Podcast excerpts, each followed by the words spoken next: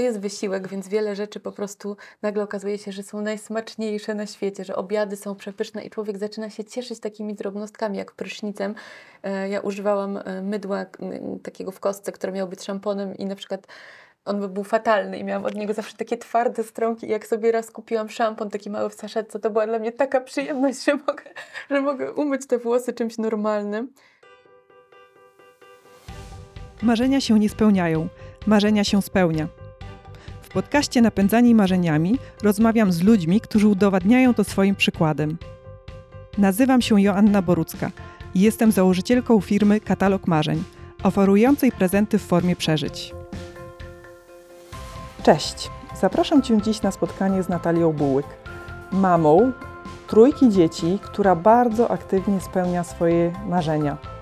W zeszłym roku przemierzyła główny szlak Beskidzki, to jest trasę, która liczy 500 km w ciągu 20 dni.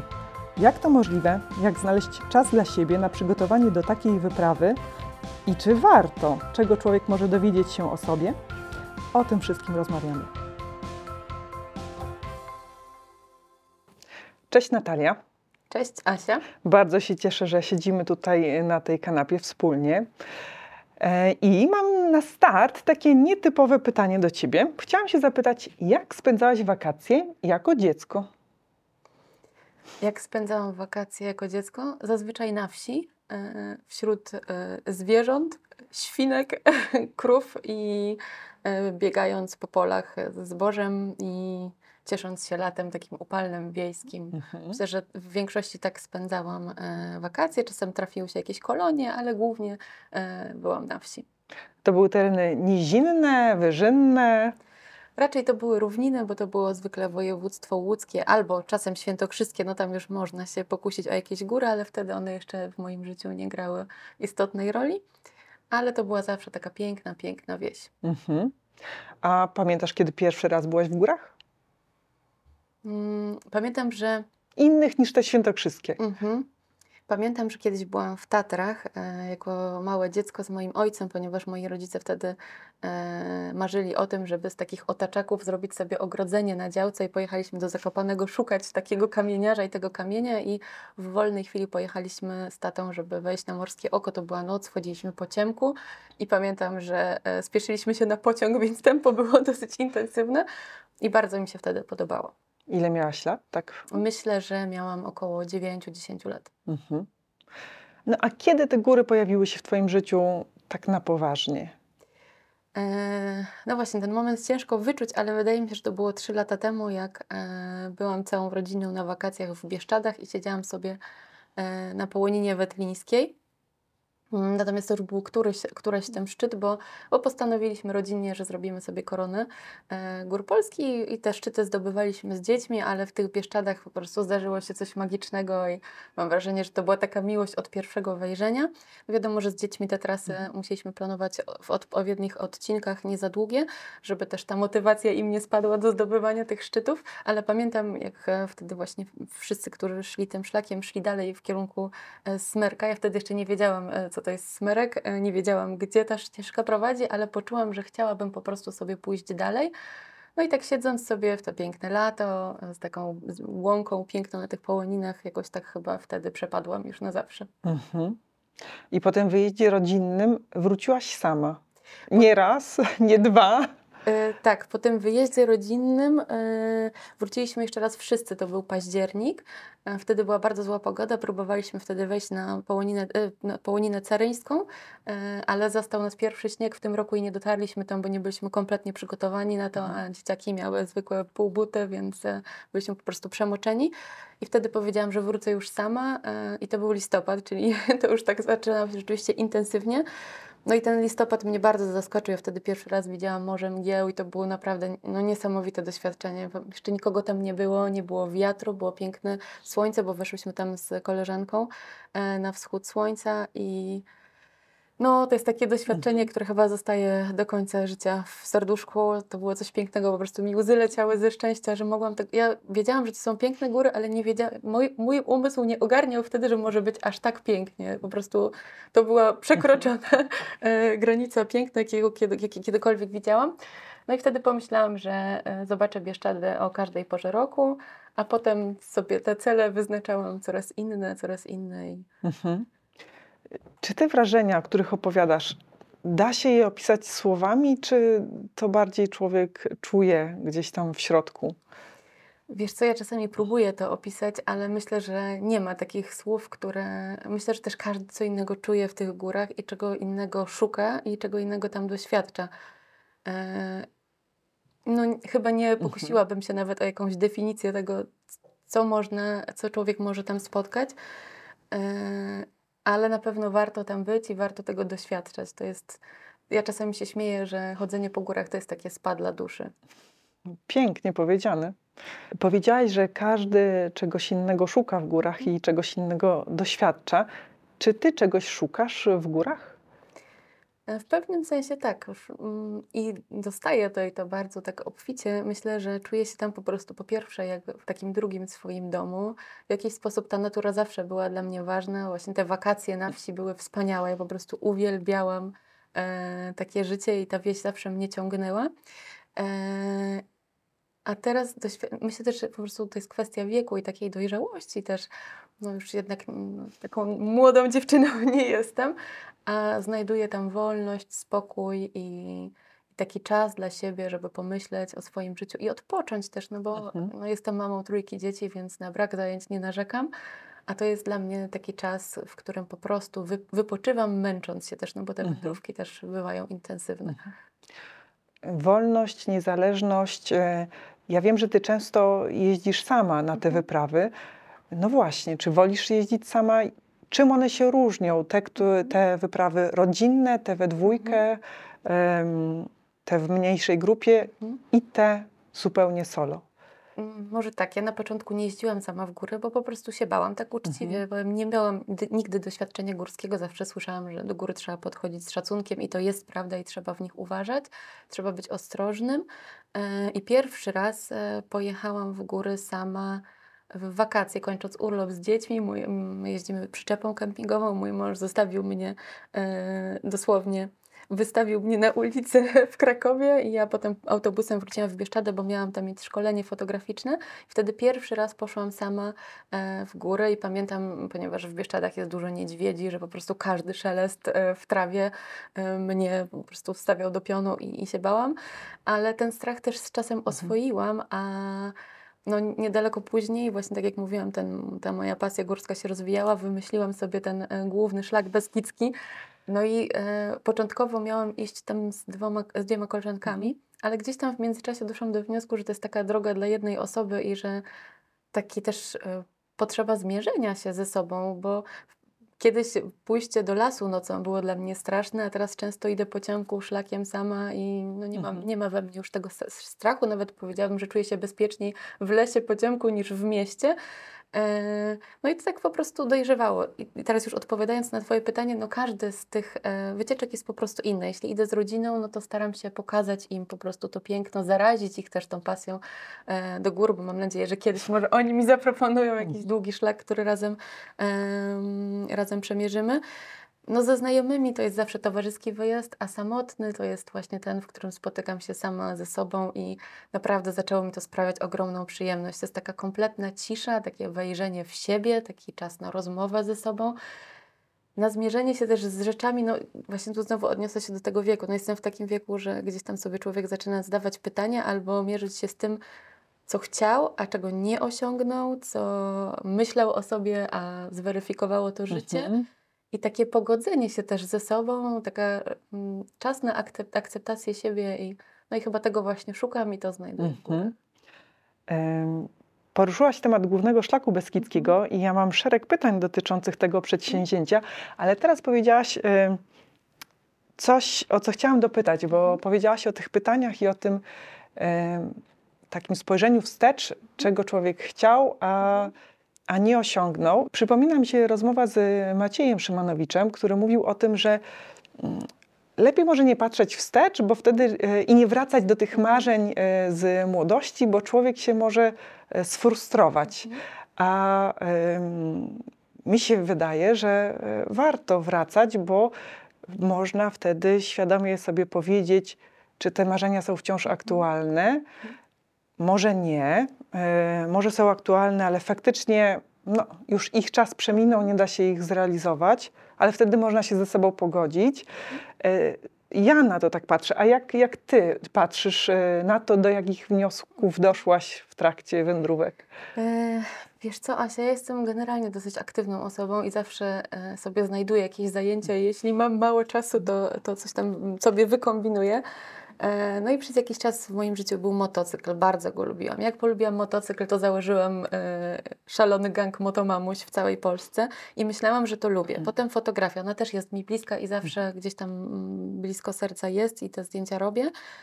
I myślałam, że to są moje pasje, ale no wtedy w Bieszczadach odkryłam, że to były po prostu moje zainteresowania i coś, co bardzo lubię robić, ale te góry po prostu zmiotły wszystko z, z mojego aktualnego życia i em, no i tak już właśnie odpowiadając znowu na Twoje pytanie, tak, warto się zastanowić. I ja też sobie pomyślałam właśnie i zrozumiałam, że że mam szczęście wielkie, że mimo tego, że to jest bardzo późno już, kiedy ja to odkryłam, że pewnie już wielu szlaków nie przejdę, to mam to i mam ten kawałek życia, który po prostu wypełnia mnie tak totalnie. Uwielbiam chodzić po górach, to jest całe moje życie. Uwielbiam takie trasy z ciężkim plecakiem i tak warto patrzeć wstecz, bo czasami się okazuje, że gonimy za czymś, co nie jest właśnie tym, że sobie wymyśliliśmy, że chcemy iść tą drogą, a trzeba to zweryfikować i, i powiedzieć sobie, okej, no na przykład te, te studia fotograficzne zostały mi jeszcze rok, nie dokończyłam ich, ale śmieję się teraz, że nie mam czasu, bo, no bo muszę chodzić po górach i tak jest. I zupełnie tego nie żałuję.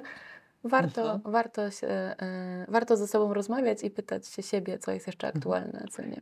Ja chciałam sprostować tylko jedną rzecz, bo e, odnośnie tego wieku, bo wydaje mi się, że ja jestem trochę starsza e, niż ty i ja wciąż uważam, że jestem młoda i że tego czasu dużo e, przede mną, także em, tak, myślę, że jest lepiej niż się tak wydaje.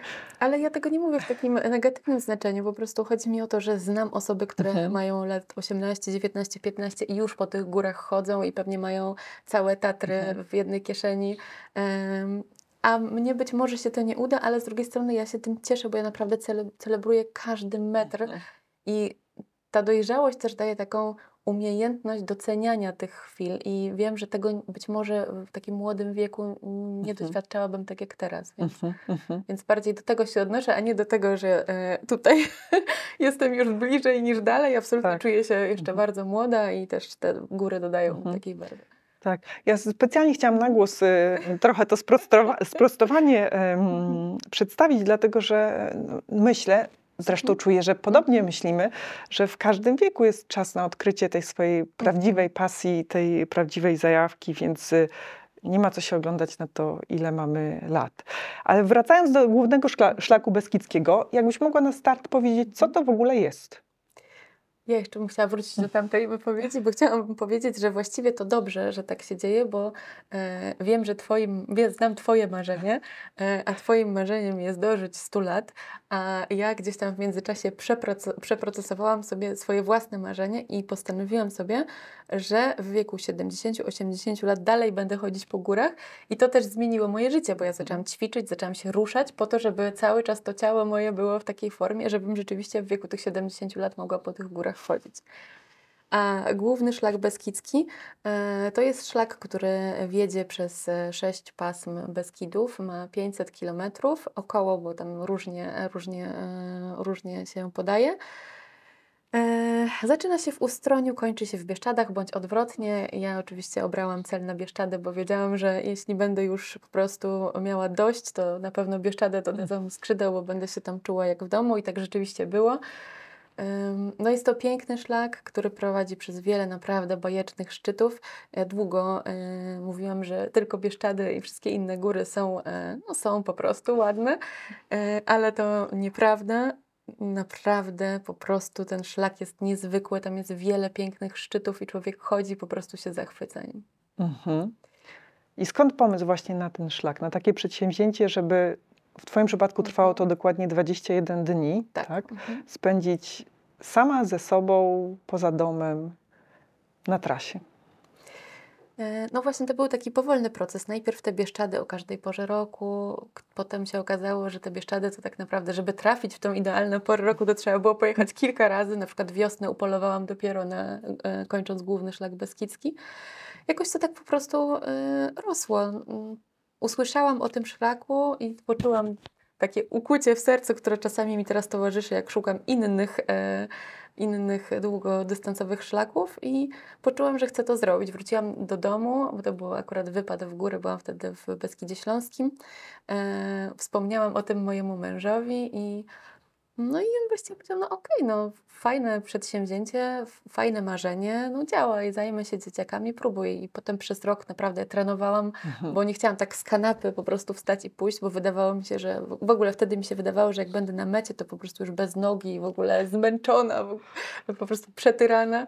A tak naprawdę to było 20 dni, bo w zasadzie skończyłam w 20 dni. To było 20 dni po prostu szczęścia, piękna i wzruszenia. Mhm. To do tych wzruszeń, do tych e, momentów, które dały Ci ich najwięcej, e, będę chciała wrócić, ale teraz o przygotowaniach. No właśnie, e, jak długo one trwały? Co robiłaś, żeby z takim e, poczuciem mm, komfortu wyruszyć na trasę?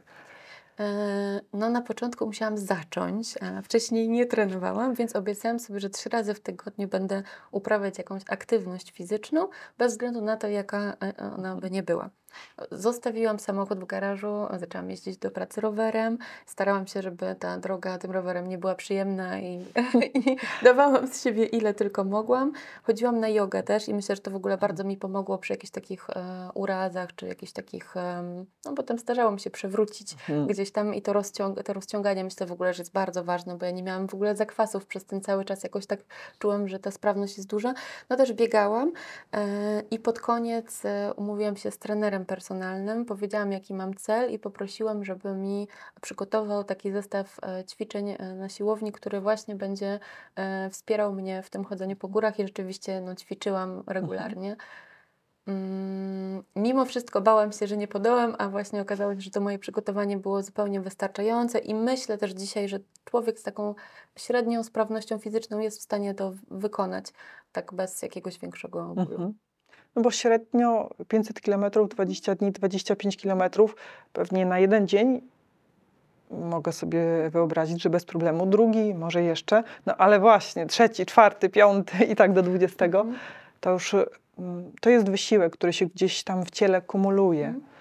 Znaczy ja myślę, że miałam w ogóle na odwrót, że te pierwsze dni były dla mnie trudne, a potem moje ciało po prostu się przyzwyczaiło do tego wysiłku. Pierwszego dnia czułam plecak, drugiego dnia czułam plecak, no bo ten plecak Mhm. ważył około 13 kg, aż trzeciego dnia przestałam w ogóle czuć, że mam jakiś ciężar na plecach i to stało się taką moją codziennością. Mm, Zresztą w tym całym takim życiowym bieganinie, e, gdzie codziennie masz tyle spraw do załatwienia, ja miałam takie zadanie: wstać rano, zjeść śniadanie, najlepiej jakąś owsiankę, żeby to po prostu dało mi energię, przejść 25 km, zjeść dobry obiad, wykąpać się i wyspać. Tak naprawdę Mhm. to organizm myślę, że mi dziękował za to, że, że przez te trzy tygodnie po prostu zafundowałam mu taką regenerację. Ja to Mhm. tak traktuję dzisiaj. No. To prawda, to prawda. Aż nie, w ogóle nie, trudno mi sobie wyobrazić, czy czegoś takiego em, można doświadczyć. Może kiedyś, e, potwierdzam to moje marzenie, żeby żyć w dobrym zdrowiu do 100 lat, to jeszcze trochę czasu na tego typu wyzwania przede mną. Mm, powiedziałaś o takim przygotowaniu fizycznym, Mhm. a co z przygotowaniem mm, organizacyjnym, e, może takim psychicznym, czy pod tym kątem e, też właśnie starałaś się przygotować? No tak, czytałam sobie przewodniki o głównym szlaku beskidzkim, analizowałam sobie trasę. No ja wtedy jeszcze nie byłam bardzo doświadczona i największe moje obawy były takie, że się po prostu zgubię, bo moja orientacja w terenie jest fatalna, ale na szczęście dzisiaj mamy takie narzędzia jak zegarki, których można skorzystać. e. Zdarzyło mi się też kilka razy zabłądzić, ale to było takie em, zabłądzenie na dwa kilometry. No Beskid Niski jest takim bardzo ciekawym miejscem, jeśli chodzi o główny szlak beskidzki. Tam człowiek idzie i zastanawia się, czy to jeszcze szlak, czy to już w ogóle jakieś po prostu krzaki. Em, ale no ja też lubię organizować wyjazdy i dla mnie właściwie to jest przyjemność. Ja sobie odpaliłam Excela, miałam wszystko spisane, miałam spisany dzień po dniu, pół roku wcześniej miałam zrobione rezerwacje już noclegów, bo to też dla mnie był po Mhm. prostu komfort psychiczny, że ja wiem, gdzie będę spała, że to nie jest tak, że przyjdę do schroniska i ktoś mi powie, no nie, a zdarzały się takie sytuacje, mimo że teoretycznie w schroniskach nie powinno ich być, E, więc tak no, zabezpieczyłam wszystko, co mogłam. Mhm. No myślę, że pod tym względem akurat czułam duży komfort. E, I szłaś sama. Byłam sama. Dużo ludzi w ogóle wybiera się tak rocznie głównym szlakiem beskidzkim? E, Znam, wydaje mi się, bardzo stare statystyki, że rocznie przemierza go około 100 osób, ale to nie jest Mhm. prawda. E, Ja szłam na początku sezonu i myślę, że spotkałam około 20 osób na tym szlaku, a też śledzę taką grupę, w której właśnie też czerpałam dużo wiedzy, przygotowując się do tego szlaku i widziałam po tym, ile latem osób przemierzało ten szlak, więc ciężko mi ocenić, ale myślę, że mm, no dzisiaj bardzo dużo osób chodzi Mhm. tym szlakiem. Mhm. I raczej tak właśnie też solo, czy w grupkach? Mhm, bardzo różnie. Chodzą ludzie parami, chodzą ludzie z namiotami, nie wszyscy śpią w schroniskach. E, każdy ma tam swoją Są ludzie, którzy idą to dwa miesiące, bo mają po prostu tyle czasu i no i to też jest fajne. Jak sobie myślę o tym szlaku, to właściwie mam jeszcze dwa. e, Chciałabym go przejść jeszcze raz, e, ale właśnie w różne sposoby. Najpierw w dwa tygodnie, żeby sobie zafundować taki totalny wycisk, a potem na przykład właśnie przez jakieś półtora miesiąca, żeby się nacieszyć po prostu Mhm. tymi górami, bo tam naprawdę jest co oglądać. Więc różnie, naprawdę Mhm. różnie. No właśnie, to wracając do tych Mhm. momentów największego e, zachwytu, to jakie to były chwile? Wiesz co, to były przeróżne chwile. Od takich, e, gdy na przykład stwierdzałam, że jestem w stanie pójść dalej i odwoływałam jakiś nocleg, bo po prostu czułam taką parę w sobie i tą przyjemność, już takie przyjemne zmęczenie z tego, z tego szlaku i siedziałam sobie w jakimś rowie przed Iwoniczem zdrojem, jadłam bułkę z kiełbasą i no, tak, no- no to jest wysiłek, więc wiele rzeczy po prostu nagle okazuje się, że są najsmaczniejsze na świecie, że obiady są przepyszne i człowiek zaczyna się cieszyć takimi drobnostkami jak prysznicem. E, Ja używałam e, mydła takiego w kostce, które miało być szamponem i na przykład on by był fatalny i miałam od niego zawsze takie twarde stronki i jak sobie raz kupiłam szampon taki mały w saszetce, to była dla mnie taka przyjemność, że mogę, że mogę umyć te włosy czymś normalnym. E, Po takie rzeczy jak widoki po prostu, zachody słońca. Ja często bardzo wcześnie wstawałam, jakoś tak Mhm. e, zupełnie inaczej mój organizm, pewnie też trochę właśnie ze względu na to, że być może stresowałam się tą drogą jednak. Wstawałam bardzo wcześnie i wychodziłam często o wschodzie słońca, więc byłam szybko w schronisku. No i potem na przykład brałam sobie śpiwór karimatę i szłam sobie na jakąś polanę, żeby czekać na zachód słońca. I to były naprawdę piękne chwile, takie tylko dla mnie właśnie, bo byłam tam sama Mhm. i no i mogłam sobie po prostu podziwiać naturę. Mhm. A momenty kryzysu albo strachu? Mhm. Eee, hmm. Może ich nie było? Nie, miałam. Właśnie musiałam Mhm. sobie przypomnieć, bo rzeczywiście tych kryzysów było mało. Miałam kryzys chyba trzeciego dnia, a właściwie nie, pierwszego dnia miałam kryzys. To był pierwszy dzień na, na, na, na GSB. Eee, I doszłam do schroniska, zaczął padać deszcz i pomyślałam sobie wtedy właśnie to, co ty powiedziałaś. Co ja najlepszego narobiłam? Przecież jeden dzień, drugi, trzeci wytrzymam, ale kto normalny idzie trzy tygodnie? To jest w ogóle niemożliwe. No, no po prostu trzy dni to jest maks, ile jestem w stanie e, zrobić. Jeszcze tego dnia spóźniłam się na kąpiel w schronisku, była już tylko zimna woda, potem już się nauczyłam, że trzeba polować na, na ciepłą wodę w schronisku i po prostu poszłam spać. I następnego dnia wstałam i była taka piękna, naprawdę piękna pogoda i szłam przez tak piękny las i sobie pomyślałam, Natalia, no co się może stać? Zakładałaś, że możesz nie dojść od początku, no bo wiadomo, że wszystko może się wydarzyć, więc może po prostu planuj sobie jeden dzień. Dzisiaj masz dojść tutaj, idź tutaj. I to, co będzie jutro, jest na razie nieistotne. I to mnie jakoś tak w ogóle otworzyło na tą podróż i, i pomogło mi e, dojść Mhm. do końca. Mhm. To myślę, że to jest dobry moment na zadanie pytania, czego się nauczyłaś e, o sobie, czego się dowiedziałaś o sobie. Mhm. To jest trudne pytanie, bardzo. E, dowiedziałam się o sobie, że, że, że jest mi dobrze ze sobą i to chyba jest taka najważniejsza lekcja. Pamiętam, jak e, wybierałam się jeszcze na ten szlak i koleżanka mi mówiła, że najstraszniejsze dla niej właśnie była ta samotność, że Mhm. ona wiele razy myślała, żeby zejść z tego szlaku, bo, bo po prostu brakowało jej ludzi. I ja też idąc na ten szlak myślałam, o Boże, co to będzie? Pewnie to są takie właśnie kryzysy, że człowiek jest sam i potrzebuje tej drugiej osoby. A ja właśnie wręcz przeciwnie, odkryłam w sobie, też mi się wydawało, że ja jestem taką osobą, która lubi ludzi, lubi się z nimi spotykać, ale odkryłam w sobie, że moje własne towarzystwo jest dla mnie równie przyjemne. No, to chyba jest taka najważniejsza rzecz, która mi się tam przydarzyła. Mhm. Chyba taka bardzo wartościowa. Mhm.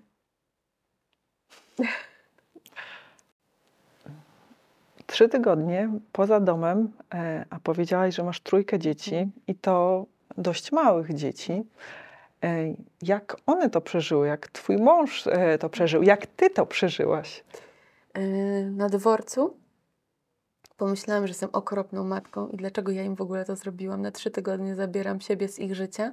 Natomiast przez rok ja ich też przygotowywałam do tego właśnie a Mhm. propos siłowni i tak dalej, ale ja też przez rok z nimi rozmawiałam, że mamusia wyjedzie na długo, że mamusia idzie w góry, że mamusia wróci i naprawdę oni żyli po prostu z tą informacją, że będzie taki moment, w którym Mhm. mama zniknie na jakiś czas, ale potem wróci. I przeżyli to zaskakująco dobrze. E, Właściwie to potem już nie mieli czasu, żeby ze mną rozmawiać. Ja czasami dzwoniłam, dobra mamo, bo gdzieś tam jedziemy, biegniemy, ale też tu jest pewnie zasługa mojego męża, który wypełnił im po prostu kalendarz, e, także oni nie mieli czasu w ogóle myśleć i tęsknić. Więc naprawdę bardzo dobrze e, i bez jakichś takich kłopotów, czy nawet poczucia Mhm. Winy e, z mojej strony, no bo wiadomo, że jak dziecko jak dzwoniliby, płakali mi do słuchawki, no to ja też jako matka czułabym się po prostu z Mhm. tym źle, ale w ogóle ani razu nie było takiej sytuacji. Mhm. E, To jest niezwykłe i myślę, że to jest coś, w co e, może być e, trudno e, tak uwierzyć e, m, słuchaczom, widzom. Mhm. I jakbyś mogła podpowiedzieć troszkę, bo mówiłaś o tym, że przygotowywałaś e, dzieci, tak? Ale podpowiedzieć e, Mhm. słuchaczom, jak, jak można tak e, przygotować, przyzwyczaić, Mhm. ale też znaleźć czas dla siebie, bo często jest tak, że my byśmy chcieli, no ale przecież właśnie dzieci, dom, Mhm. praca.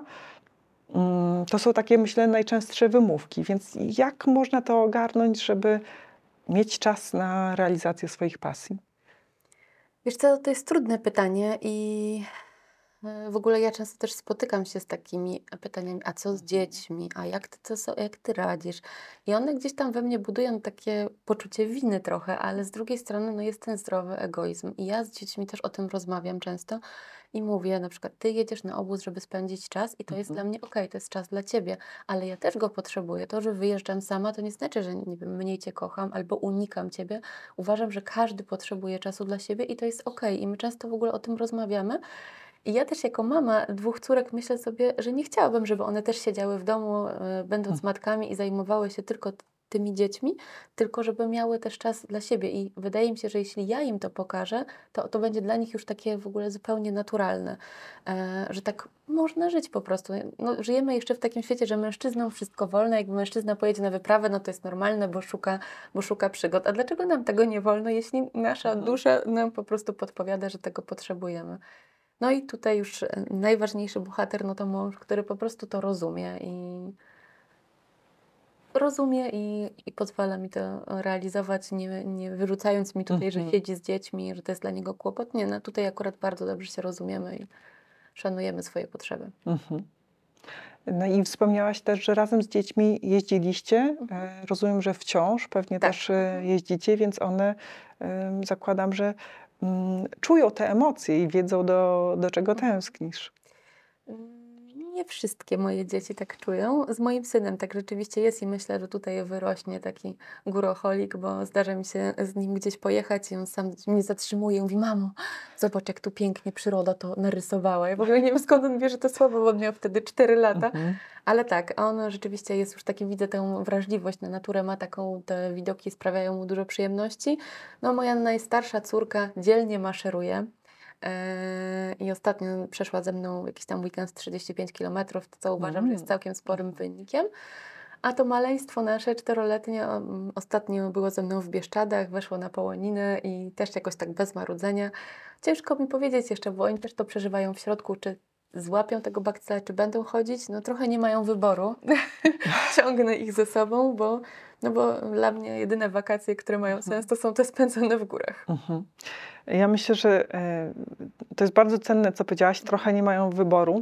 I tak e, patrząc na swoje doświadczenia, gdzie ja w momencie, kiedy chciałam dzieci zachęcić do dłuższych Mhm. wypraw, one już były za duże i one Mhm. no, już miały wybór. E, I jak nie chcą, no to trochę trudno Mhm. tak e, większe dzieci, nastolatki Mhm. na siłę ze sobą ciągnąć. Więc myślę, że to jest taki dobry czas, żeby te kilkulatki, Mhm. tak. Wiesz co, e, ja mam na to taki patent. Jak jedziemy na wakacje w góry, to mówię dzieciom zawsze tak, to jest nasz wspólny urlop, czyli wy Mhm. odpoczywacie i rodzice odpoczywają. Ja odpoczywam chodząc po górach, a wy robiąc jakieś inne rzeczy. Więc umawiamy się tak, że jeden dzień jest mamusi, drugi dzień jest wasz, potem jest dzień tatusia i każdy wymyśla, co robi. I to jest dla nich takie, oni sobie, mam wrażenie, że tak zawsze coś roz, rozkminiają, to i okej, no dobra, czyli my jedziemy potem, nie wiem, na jakąś Kulkolandię albo jakiś, nie wiem, e, park linowy, bo oni tego chcą. Mhm. No a te góry no trzeba odbębnić, no bo to jest dzień mamy i po prostu trzeba pójść. Więc jakoś tak w ten sposób się dogadujemy. Mhm. Każdy patent dobry. Jak masz więcej, to podpowiadaj. Się z chęcią skorzystam. Znaczy myślę, że to jest w ogóle Mhm. fair po prostu. No wtedy Mhm. każdy na tym urlopie robi to, Tak. co chce, z takim szacunkiem też do potrzeb drugiej strony. Mhm. Dokładnie. E, Natalia, a co dalej? Jakie kolejne plany? E, szczerze mówiąc, to planów mam bardzo dużo, tak nawet chyba do, ostatnio liczyłam 2026, e, ale następny Pięknie. plan, tak, następny plan to jest e, sierpień, to jest Grenlandia i to jest krótki szlak, bo on ma Mhm. 170 km, już teraz takie szlaki nie są dla mnie za długie. Ten szlak nazywa się Arctic Circle Trail. Mhm. Jadę tam z dwiema koleżankami. Jedna tutaj niedawno siedziała na kanapie. No i będziemy się mierzyć z, taką, z takim pięknym szlakiem, który właściwie jest w totalnej dziczy. Zdarza się, że do cywilizacji jest 2-3 dni drogi, że gdzieś tam może jakiś niedźwiedź polarny się pojawić, więc e, mam nadzieję, że to akurat nas e, nie spotka. Ale no to będzie taka piękna przygoda z taką totalną, totalną dzikością. Mhm. I te plany do 26 to właśnie różnego rodzaju szlaki? Tak, no zdecydowanie długodystansowe szlaki. Ja nie mam takiej potrzeby, żeby się wspinać, wchodzić Mhm. wysoko, raczej wolę właśnie chodzić daleko. Mhm. A jakimi kryteriami się kierujesz, wybierając te szlaki? Eee, Wcześniej powiedziałaś, że to tak e, też tak. u, uczuj, czujesz po prostu, że gdzieś tam Tak, e, i- serce ci mówi. I teraz też tak było, bo w zasadzie wybierałam się na główny szlak sudecki, ale cały czas czułam, że to nie jest to. Mhm. Jakoś tak po tym GSB wszyscy mówili, że on nie jest taki ładny, że jest mniej widokowy, że powinno się zaczynać od sudeckiego, a potem bieszczacki i był krótszy, a ja już te 500 kilometrów przeszłam, więc nie chciałam mniej. I byłam na festiwalu Miłki Raulin. I tam był człowiek, który przemierzał e, kajakiem e, wody północy i opowiadał o tym Mhm. szlaku. I poczułam właśnie to ukłucie serca. Wróciłam do domu, zaczęłam googlować, czytać. I mówię do mojego męża, że o tym słyszałam. On mówi, aha, czyli już wiemy, gdzie idziesz w przyszłym roku. I, czy, tak, to było w, w zeszłym roku. Już wiemy, gdzie idziesz Mhm. w przyszłym roku i jakoś tak od razu to odłożyłam. Mhm. I dobrze się stało, bo główny szlak sudecki doczekał się nowej trasy, która ma 500 kilometrów i pewnie za rok się tam wybiorę. Czyli rozumiem, że jest w planie właśnie na któryś z, z Mhm. kolejnych lat. Zbliżając się już tak do Mhm. końca, e, to staram się zadawać e, każdemu gościowi takie pytanie, że gdybyś miała wpływ na to, jaka jedna myśl, jedno przesłanie e, zapadnie w głowy słuchaczy czy widzów tej naszej rozmowy, to co by to było? To pewnie powiedziałabym mamom, że mają prawo do marzeń, że te marzenia trzeba realizować i, i warto je realizować, żeby, żeby poczuć, że jest się w życiu spełnionym. Piękne przesłanie. Trzymam kciuki za realizację Twoich marzeń i za to takie poczucie nieustającego spełniania się. Do zobaczenia kiedyś, gdzieś na jakimś e, szlaku czy na wspólnej wyprawie. Mam nadzieję, że będzie Zapraszam. taka możliwość i okazja. Dzięki wielkie. Dziękuję. Dźwięczą mi w głowie słowa Natalii o spa dla duszy. I faktycznie tęsknię za takim czasem tylko dla siebie. W takiej codzienności to ja ten czas dla siebie mam pomiędzy pracą a domem, czyli mniej więcej 30 minut w samochodzie. I to jest taki moment, kiedy nikt do mnie nic nie mówi, nikt ode mnie niczego nie chce, mogę spędzić go sama ze sobą. I ja bardzo cenię te 30 minut dziennie, a jak sobie pomyślę, że można byłoby takie kilka dni, albo kilkanaście, albo może 20 e, spędzić e, w takim spokoju, ciszy, wolności, to już mi się do tego oczy świecą i gdzieś tam na listę swoich marzeń wpisałam taką wyprawę. Trzymajcie kciuki za to, żeby udało mi się kiedyś ją zrealizować i trzymajmy wspólnie kciuki za kolejne wyprawy Natalii.